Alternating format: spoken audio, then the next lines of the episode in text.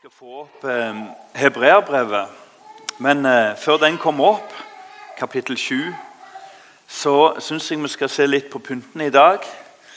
For det ligger en liten tale òg i det. Det gjør det egentlig hver gang. Eh, hvis vi får opp hebreerne 7, 22 og 24 Vi er jo i hebreerne nå i høst. Og talene er først og fremst meint for at du skal få litt hjelp til når du sjøl går hjem og studerer. Det er det det er mest kraft i. Det er når eh, Guds folk sjøl leser Bibelen. Derfor er den også så mye bedre, den pakten Jesus eh, går god for.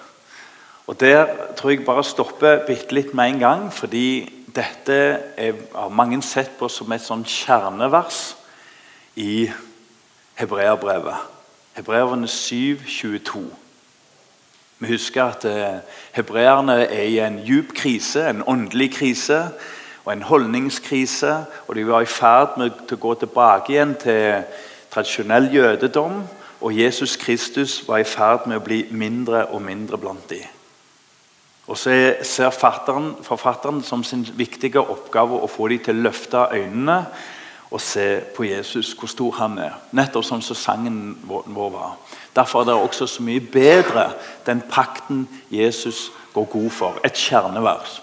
Dessuten har det vært flere slike prester, for døden hindret dem i å fortsette. Men Jesus har et prestedømme som ikke tar slutt, fordi han er og blir til evig tid. Derfor kan han også fullt og helt frelse dem som kommer til Gud ved ham. Fordi han alltid lever og går i forbønn for dem. Ja, en slik øverste prest måtte vi ha. Hellig, uten ondskap, ren, atskilt for syndere og opphøyd over himlene. Han trenger ikke, som andre øverste prester, å bære fram offer hver dag. Først for sine egne synder, og så for folkets. For offeret har han båret fram én gang for alle da han ofret seg selv. De som loven innsetter til øverste prester, er svake mennesker. Men gjennom ordet som ble stadfestet med ed, og som kom senere enn loven, blir Sønnen innsatt. Han som for evig har nådd fram til fullendelsen.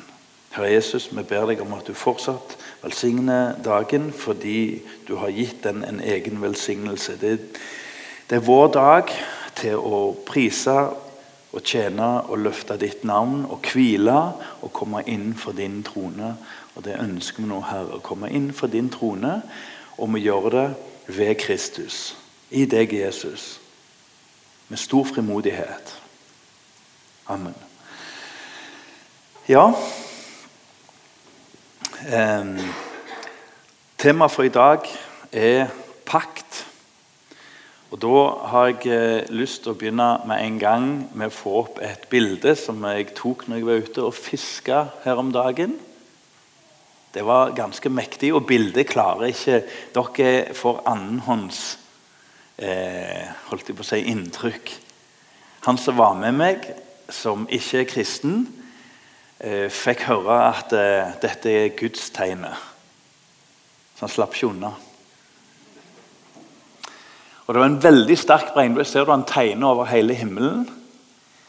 Og Det lille jeg visste når jeg var liten om regnbue, var at det var en skatt. Hvis du bare gikk helt til der regnbuen begynte, så var det altså en skatt. Men regnbuen har noe med pakt å gjøre. Nå skal vi ikke snakke så mye om regnbuen i dag, men den sier oss noe om en Gud som er før, som er nå, og som er alltid og til evig tid. Ikke en vinglete Gud. Men regnbuen, hver gang vi ser den, så minner den oss om en levende, mektig Gud som er vår bror. Forstår det den som kan? Det må åpenbares.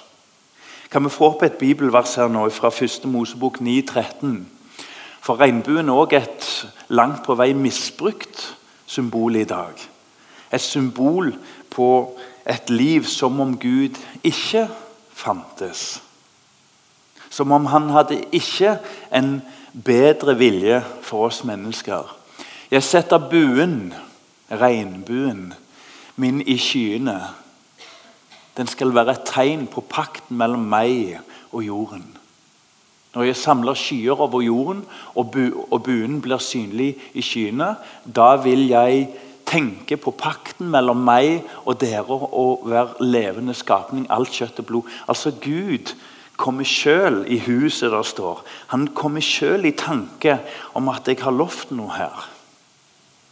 Så regnbuen er en gjensidig tegn på et løfte mellom Gud og jorda. Et egentlig forskjøvet forhold om en suveren Gud og et usuverent folk. Og så tegnes det, spennes det opp en bue mellom Gud og alt folk på jord. Med store løfter. Aldri mer skal vannet bli til en storflom som ødelegger alt kjøtt og blod. Og Jeg synes Det er et superaktuelt bibelvers, for i dag lever vi i ei tid der at mange er oppriktig bekymra for eh, jordas framtid. Og det er lov, og det er nok òg rett. Men det som ikke er bibelsk, det er å være bekymra som om Gud ikke fantes. Det er faktisk en synd. Bekymring er egentlig en synd, og stort sett bortkasta i tillegg. Så kommer bibelverset og tegner en bue og sier at 'jeg vil ikke utslette', 'jeg vil ikke drive folket bort', 'jeg har en plan for alle ting', 'jeg vil faktisk gjøre en ny himmel og en ny jord'. Ok. Eh, I dag skal vi ha litt om eh, eh, pakt. Og En pakt i Bibelen er ikke helt en kontrakt, som vi skriver. Den har den siden, men en pakt er faktisk en relasjon. Det er faktisk et, et, et mellommenneskelig forhold og mellomåndelig forhold. Både vertikalt og horisontalt. Og Så kan en gjerne si kunne en ikke funnet et annet ord enn pakt? Det blir så gammeldags. Vi må finne noe nytt. Dilemmaet er at vi har faktisk ikke noe ord som dekker for pakt. Det må bli det ordet. Og vi må elske det ordet, og heller lære det ordet. Det eneste jeg kjenner til som blir brukt i dag, det er at eh, den og den lever ikke i pakt med tiden. Så der har du igjen, Hvis pakt blir brukt, så blir det litt sånn skeivt. Vi lever ikke i pakt med tiden, som om det var et mål. Er det noe mål å leve i pakt med tiden, da? Er det noe stort med det?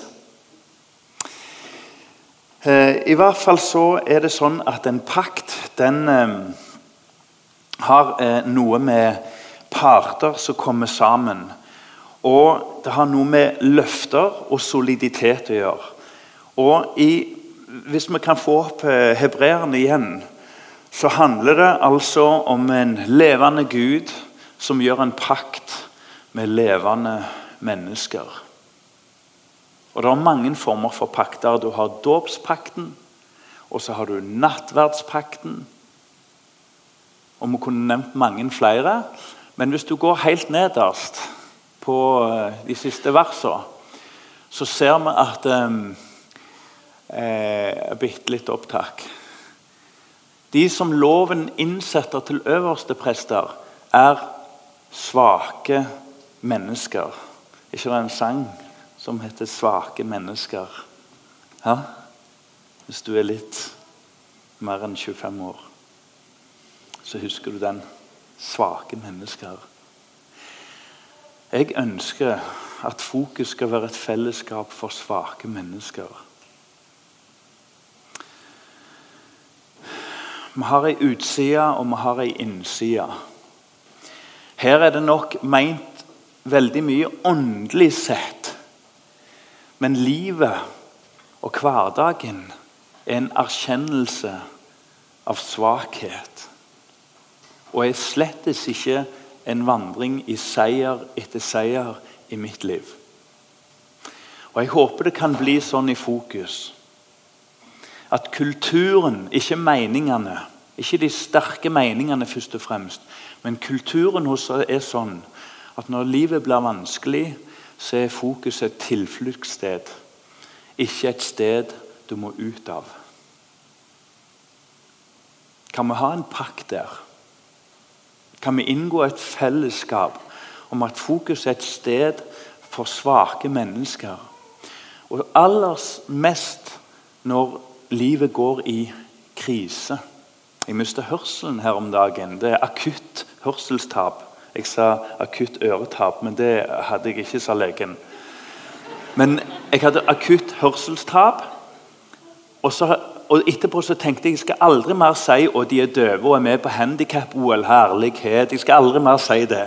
For jeg begynner å svare til folk sånn Hvis jeg, hvis jeg detter av, så svarer jeg 'Jeg ser den', svarer jeg. Så for det er sånn svar du kan gi til alle, alle når ikke du har skjønt noe, ikke hører og ikke får med deg detaljene. Så jeg gjør som mor. Jeg svarer, for hun mistet hørselen da hun var fire år på ene øre. Jeg ser den, sier jeg. Men jeg, jeg, jeg kan ikke si jeg lir så veldig av hørselstap. Men jeg har så veldig lyst at vi får et paktsforhold, et relasjonsforhold på et dypere plan når livet til Aslak og livet ditt går inn i krise, i samlivskrise, i økonomisk krise, i mental krise, i troskrise, i ensomhets- og relasjonskrise så skal fokus være et sted. Og vet du det? Fokus kan ikke hjelpe deg, men det er mange troende mennesker og brødre og søstre i fokus som kan hjelpe deg. Så styret har ikke så mye å tilby annet enn å be og lede fram en omsorgsfull kultur i fokus, som du og jeg lever ut. Svake mennesker. Teksten vår sier litt om det, selv om det var nok ikke helt det han sa mest om. Ok, eh, En pakt er noe flott. Fordi den har en soliditet langt over alt annet. Eh, for de som har gått på is, så kan vi si at eh, det er en sånn selsom opplevelse. Eh, I hvert fall når du hører den lyden unna. Og så er det egentlig den lyden som er litt bra. Fordi det er når isen begynner å sprekke opp, han har den styrken han skal ha. Det er mye rart om dette her. Men vi kan si at det er bedre med en svak tro på en sterk is enn en sterk tro på en svak is. Hebreabrevet lufter blikket vårt. Hvis du tar deg tid til å memorere og lese gjennom og meditere to, tre, fire ganger gjennom hebreabrevet, så kommer du til å oppdage noe uten at du har lagt to pinner i kross. Du kommer til å oppdage at Gud lufter øynene dine, og så ser at eh, din tro er ikke så sterk, men eh, isen er solid. Det som skjer for den som leser hebreerbrevet, er at jeg avtar, og Jesus vokser.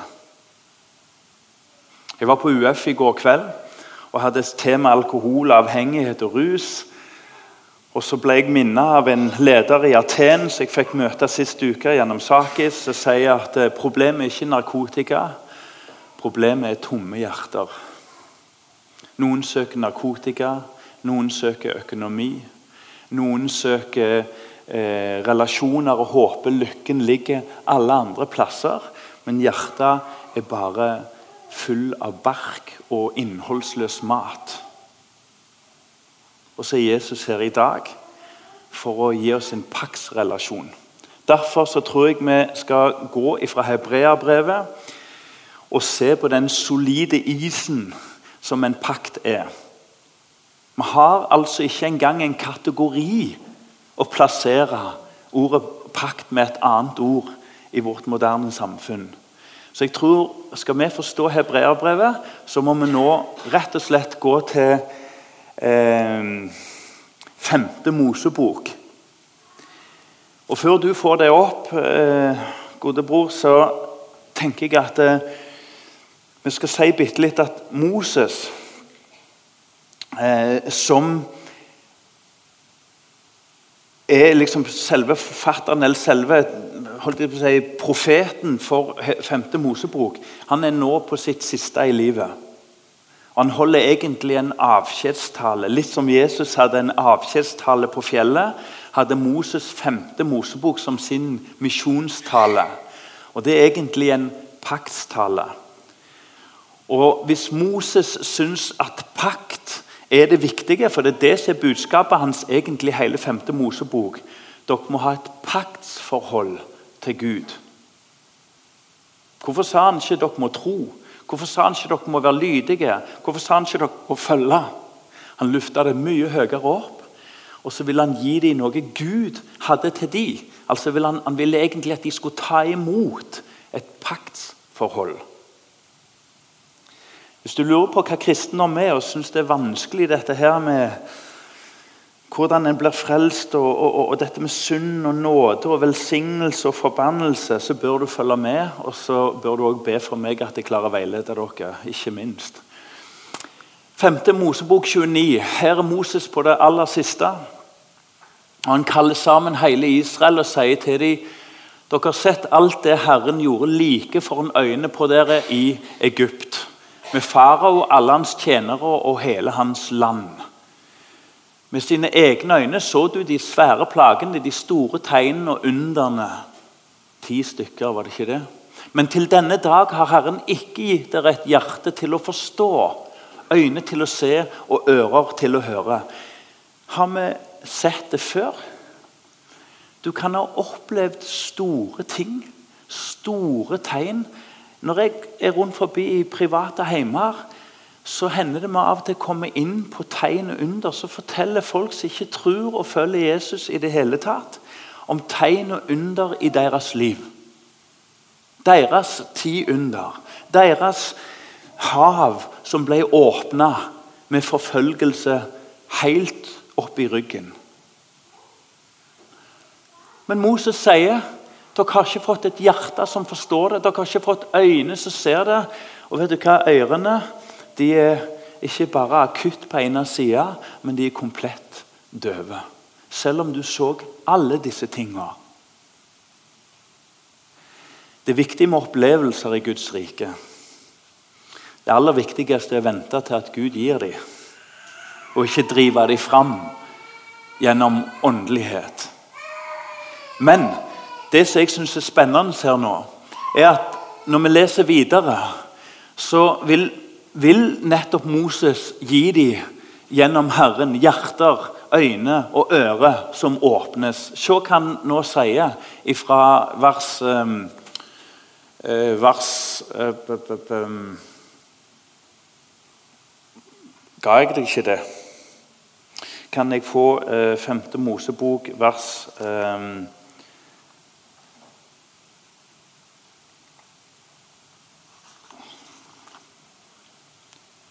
9-18.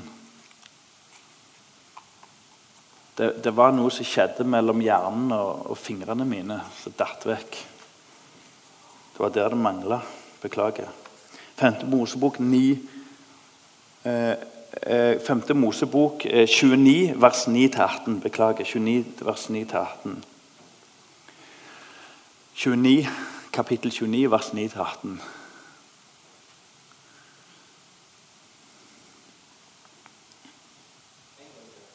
5. Mosebok, kapittel 29, og vers 9-18. Det er såpass viktig at eh, jeg vil at vi skal ta oss tid til å lese det. Det er her Paul, nei, Moses egentlig sier at dere trenger et paktsforhold. Du må høyere opp. 5. Mosebok 29, vers 9-18.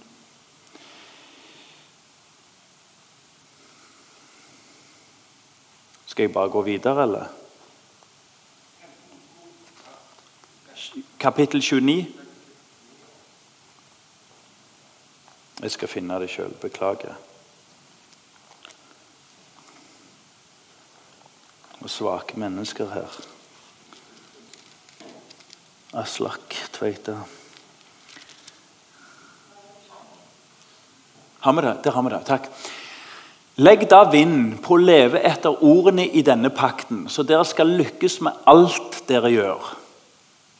Dere står i dag alle sammen for Herren, deres Guds ansikt. Stammehøvdingene, de eldste og tilsynsmennene, hver mann i Israel. Småbarna og kvinnen deres og innflytteren som holder til i leiren din. Både den som hogger ved, og den som bærer vann for deg. Du skal nå tre inn i pakten med Herren din Gud, den som Herren din Gud slutter med deg i dag. Med de forbannelser Merkelig, altså. Med de forbannelser som hører pakten til. Jeg håper du blir i det minste nysgjerrig. Ved dette skal han i dag gjøre deg til sitt folk, og han selv vil være din Gud, som han har sagt deg, og slik han med ed lovte dine fedre Abraham, Isak og Jakob. Så pakten er liksom ikke knytta til en og annen. Alle lederne er knytta til disse, denne pakten. Det er ikke bare med dere jeg slutter denne pakten, med de forbannelser som hører til, men også med dem som står her sammen med oss i dag, for Herren vår Guds ansikt, og med den som ennå ikke er her sammen med oss. Alle, med andre ord. Dere vet selv at vi bodde i Egypt, og at vi dro fram gjennom landet til de folkeslagene dere måtte dra forbi. Dere så alt det motbydelige som var hos dem, gudebilden deres av stokk og stein, sølv og gull. Det må ikke finnes blant dere noen mann eller kvinne, noen familie eller stamme som i dag vender sitt hjerte bort fra Herren vår Gud for å gå og dyrke disse folkeslagenes guder. Det må ikke finnes blant dere noen rot som det skyter giftplanter fra og malurt opp fra. Var ikke det en heftig tekst? Jeg håper han vekker din interesse. For Gud sier via Moses, profeten, at eh, Gud gjorde disse store tingene, men hjertet er lukka, øynene er lukka, ørene er døve. Dere så og forsto ingenting ut av det. Har vi sett det før? Når Jesus forteller lignelser og forklarer det ned på barnlig nivå, enkelt å forstå, for i hvert fall for en håndverker. Og Så spør han forstår dere dette. Nei. Nå forstår vi ingenting. Det må åpenbares for disipler, det må åpenbares for israelsfolket og for meg og deg. Det som skjer, det er nemlig det at eh, dette folket skal gjennom en eller annen forbannelsespakt. Når jeg leste den teksten, så tenker jeg Aslak, du kan ikke ta med det på fokus. Det blir jo så negativt. Det var min første menneskelige reaksjon. For å forstå pakten. Men hvis du blir med, så skal du få se noe veldig stort. For det første så viser teksten vår at en pakt er ikke noe kjølig papir som bare skrives litt sånn så uavhengig kontroll og en del ting som vi holder på med. Vi bare gjør det for vi må. Det står om min Gud, ikke én Gud. Det står om mitt folk, ikke et folk. Gud er en personlig relasjonsgud. Intimitet og kjærlighet er åpningen i 5. Mosebok 29. Men så står det ikke bare om en personlig Gud. Det står òg om en lov her. Og det er her vi som mennesker detter av. Skal du blande kjærlighet med lov? Men en pakt etter gammel og nytestamentlig tenkning er en pakt med rammer. Ellers så gir det ingen mening. Hvis vi går rundt og tenker at eh, kjærligheten den er forståelig, den setter sine rammer av seg sjøl, så lurer vi oss sjøl. Fordi den er knytta til regler og rammer hvor Gud sier ganske spesifikt dette er det, og dette er det ikke. Kjærlighetens brev i første kor 12, 13 og 14, som ofte blir sitert at Gud er kjærlighet størst av den av kjærligheten, Den fikk vi sist helg med Alexis. Den fikk vi høre at hadde Alex, eh, Alex Sorry, ja, dere hører hvem jeg mener. Han eh, snakker om hva kjærligheten er. Og så snakker han om hva kjærligheten ikke er. Med andre ord, Han gir rammer for kjærligheten. Uansvarligheten har ingen rammer. Det er nettopp det som er poenget med uansvarlighet. Aldri være bonden. Aldri måtte stå for noe. Aldri nærme seg en grense som er over og innenfor. Det som skjer, er at det, det, pakten gis egentlig rettferdighet gjennom at det er også en lov. Ellers er han ikke gyldig. Ellers er det bare honnørord og varme, fri, fine, flotte ord som ikke får noen som helst konsekvenser, verken for Gud eller mennesker. Hvordan er en relasjon i dag? Den er veldig mye basert på individuell lykke. What's in it for me? Hvis vi tar ektepakten og samlivspakten Bli med meg nå så er det en individuell lykke som går på at to personer Nå maler jeg et bilde, da, setter det litt på spissen. Men to personer ser hverandre dypt eller mindre dypt inn i øynene og sier 'Jeg skal være din til jeg dør, hvis du' 'Og jeg skal være den jeg skal være, hvis du er den du skal være'. Det er innledningen til mange relasjoner i dag. Jeg skal være den Bibelen sier jeg skal være, eller jeg syns jeg skal være, hvis du gjør det samme. Jeg forbeholder meg òg retten til å hoppe av den dagen du ikke forplikter deg eller holder det. Hvordan er en paktsrelasjon? En ekte pakt er noe helt annet. Jeg skal være den Bibelen kaller meg til å være, selv om du ikke gjør det. Nå vet vi at i samliv er det mye vanskelig, så vi skal være litt forsiktige med store headlinere og bare holde det opp i ansiktet på alle, og ikke se et større skal vi si, bibelsk bilde av det. Men den store headlineren akkurat i dag er at en pakt spør egentlig ikke motparten i ekteskapet. Den starter med at 'jeg skal ære deg uansett om du ikke ærer meg'. Det er noe helt annet. Det er noe mye større. Du er viktigere enn meg. Er det rart vi blir redd for å gå inn i en relasjon når ideen er at den personen er viktigere enn meg? Ja. Men som tenker oss en butikk, sier Timothy Keller på Manhattan. Han eh, sier at tenk deg en grocery, eller hva det heter.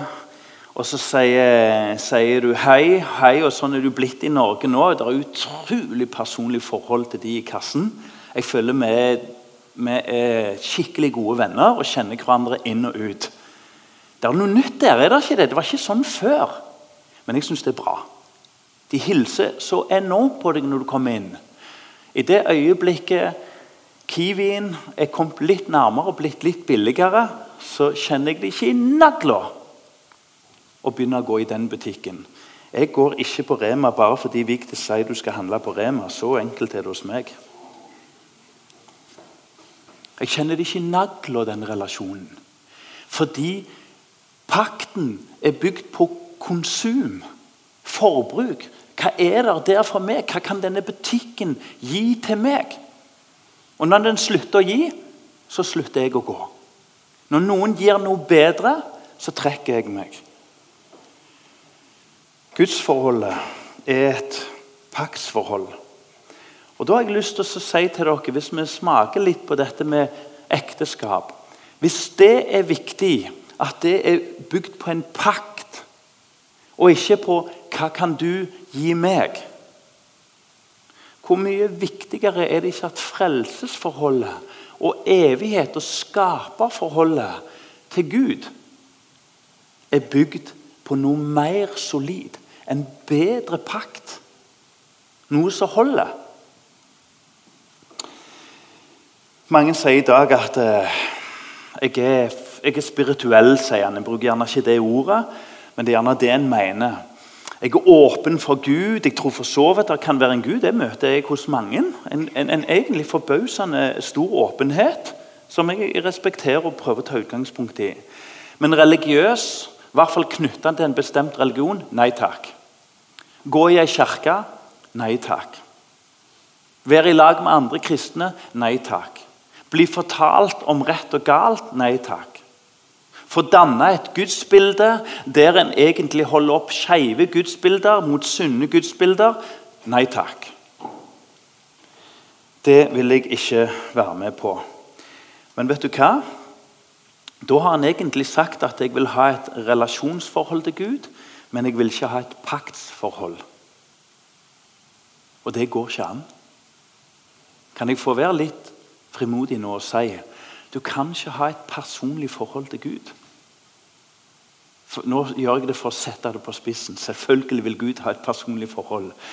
Men sett opp mot pakt så kan du ikke ha et personlig forhold til Gud som en som du vet er der, finnes, men som du ikke vil gå i pakt med.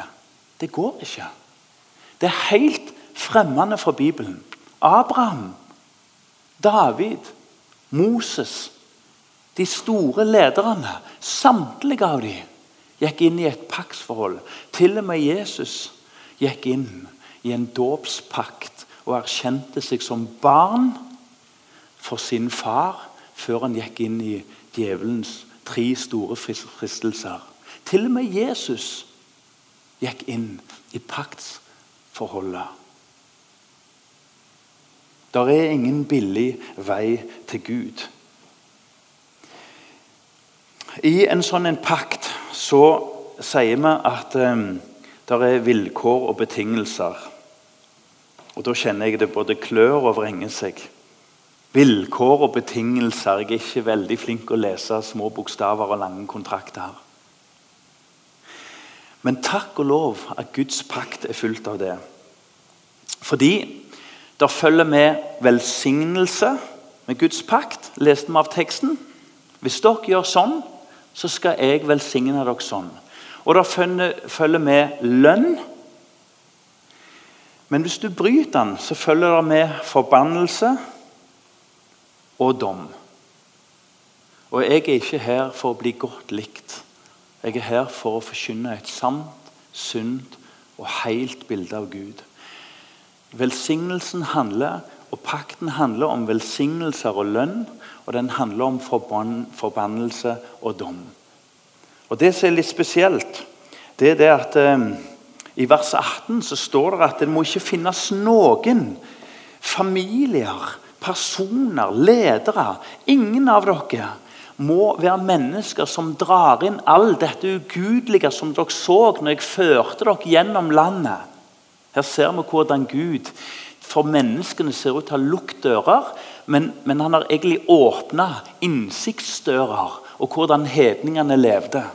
Og Hvis noen av dere gjør det, så må dere vise han vekk. En som drar inn ugudelighet iblant dere. Det som skjer da, det er at eh, eh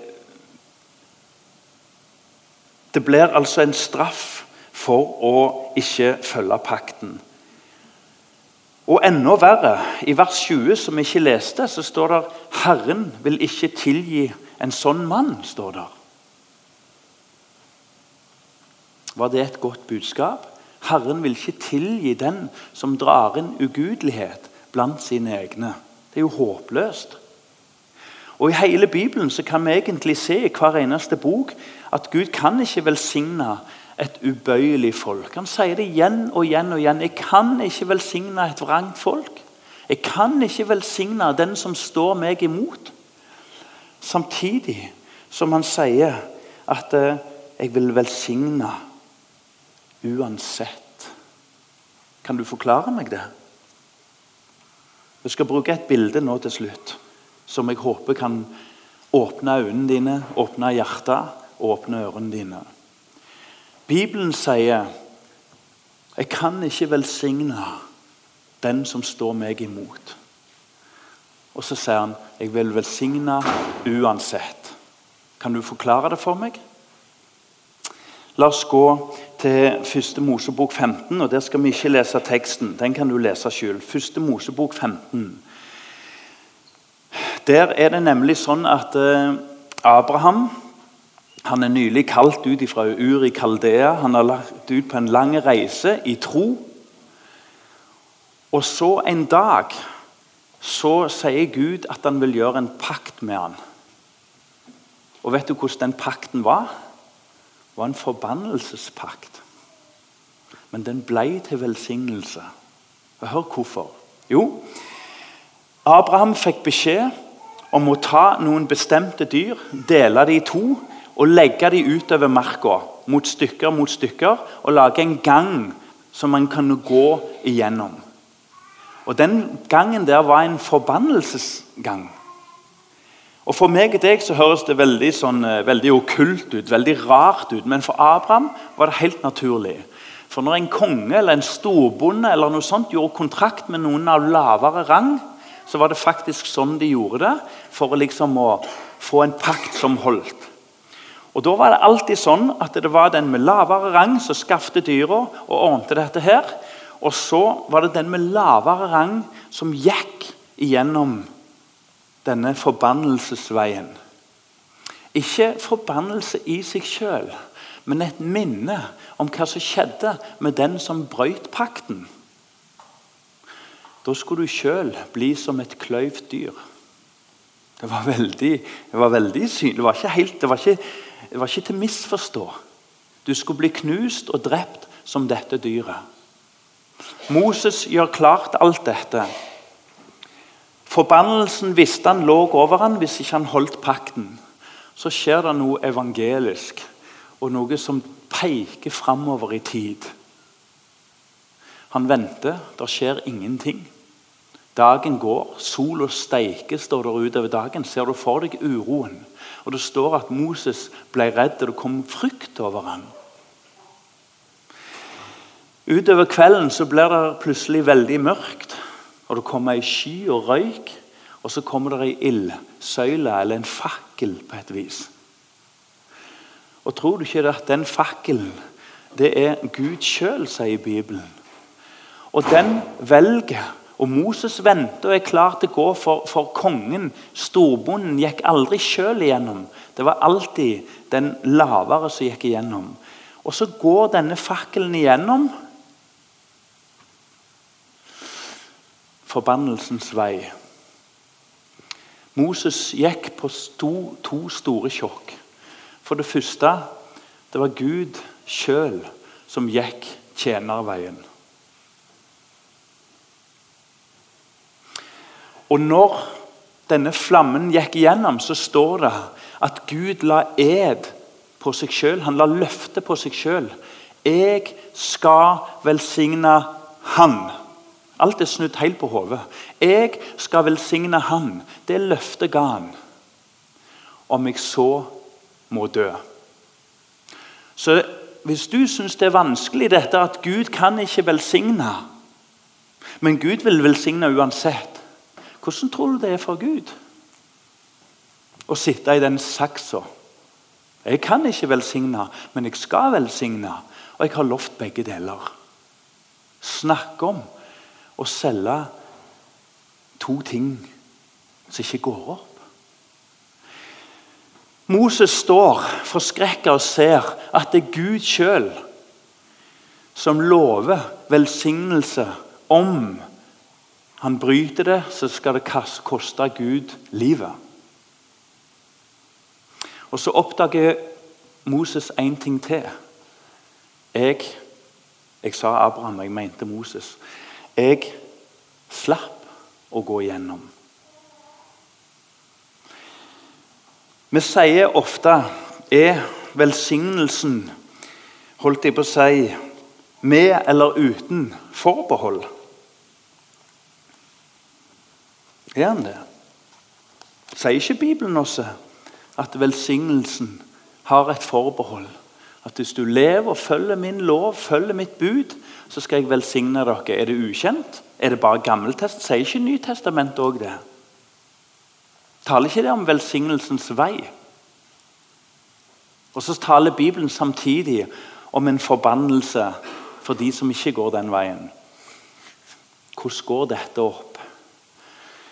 Det som er så spesielt, det er det at Gud gjør egentlig en ed med seg sjøl.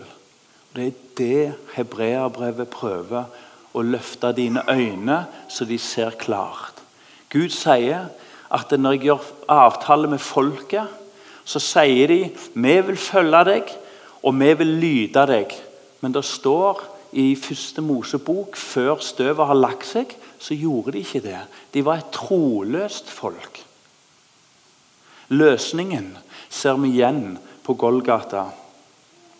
Om ikke det ble ganske mørkt, om ikke det kom et sus ifra himmelen,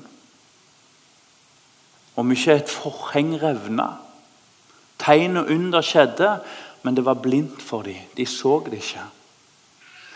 Men så skjer det noe rart, og det er at to hender blir nagla etter gammeltestamentlige profetier. To bein blir nagla, og et hjerte blir stukket i med et sverd, med et spyd. Han som har satt seg i ei klemme og ikke kan, men likevel vil velsigne. For han har forbanna seg på begge deler. Husk på at Gud gikk igjennom, så sa han to ting. Jeg er forbanna hvis ikke jeg velsigner deg. Og jeg er forbanna hvis du ikke følger meg. Gud gikk for begge parter. Fullkommenheten i hebreerbrevet er ikke at Jesus var bitte litt bedre enn alle de andre religionene. Det var en kvalitativ, vesentlig forskjell. Fullkommenheten lå i at Guds pakt holdt meg og deg utenfor, og så tok han oss inn. Når det var fullkomment. Skjønner du forskjellen? Frelsen er ikke en avtale mellom Gud og meg og deg. Det er en avtale mellom en far som har satt seg i ei knipe om å ofre sin egen sønn for at løftet skulle gå opp. Han måtte drepe. Han som var udødelig, måtte bli sjøl dødelig. Kanskje du sitter med mange spørsmål. Kanskje du syns det ble bare pakt og Gammeltestamentet osv. osv. Men det gjør veldig vondt å se gode brødre og søstre som i beste fall har et, en sterk gardin foran øyne og kraftig med ull i ørene. Ikke fordi jeg sjøl ser ting så klart, Paulus så stykkevis og delt. Men det er vondt å leve som kristen når en aldri ser Jesus som en fullkommen pakt for meg og deg. En avtale mellom far og sønn, der gudskjelov du og jeg ble holdt utenfor. ikke det flott? Dette er evangeliet. Dette må vi samtale om. Og Hvis du syns det er vanskelig, kom til forbønn etterpå. Så skal vi på Guds løfte være med og be for deg. Så skal jeg sette meg ned en plass her. Jeg tenker jeg setter meg her oppe. Kom til forbønn. Og Den siste utfordringen jeg har lyst til å si Har vi det samme forholdet til menighet som kulturen i dag har til ekteskap? Et konsumforhold. Gud kaller oss ikke inn til fokus eller den menigheten du hører til. Her må vi se stort på det. Gud kaller oss ikke inn til et kompisforhold så lenge det varer, men han kaller oss inn i et paktsforhold. Med ansvarlighet, med konsekvens. Det er alvorlig å trosse Guds vilje. Og velsignelsen er stor. Og evangeliet er at når vi trosser Gud, så var det en som gikk forbannelsens pakt for Moses, som et bilde på en som gikk forbannelsens vei, sånn at du og jeg skulle gå fri.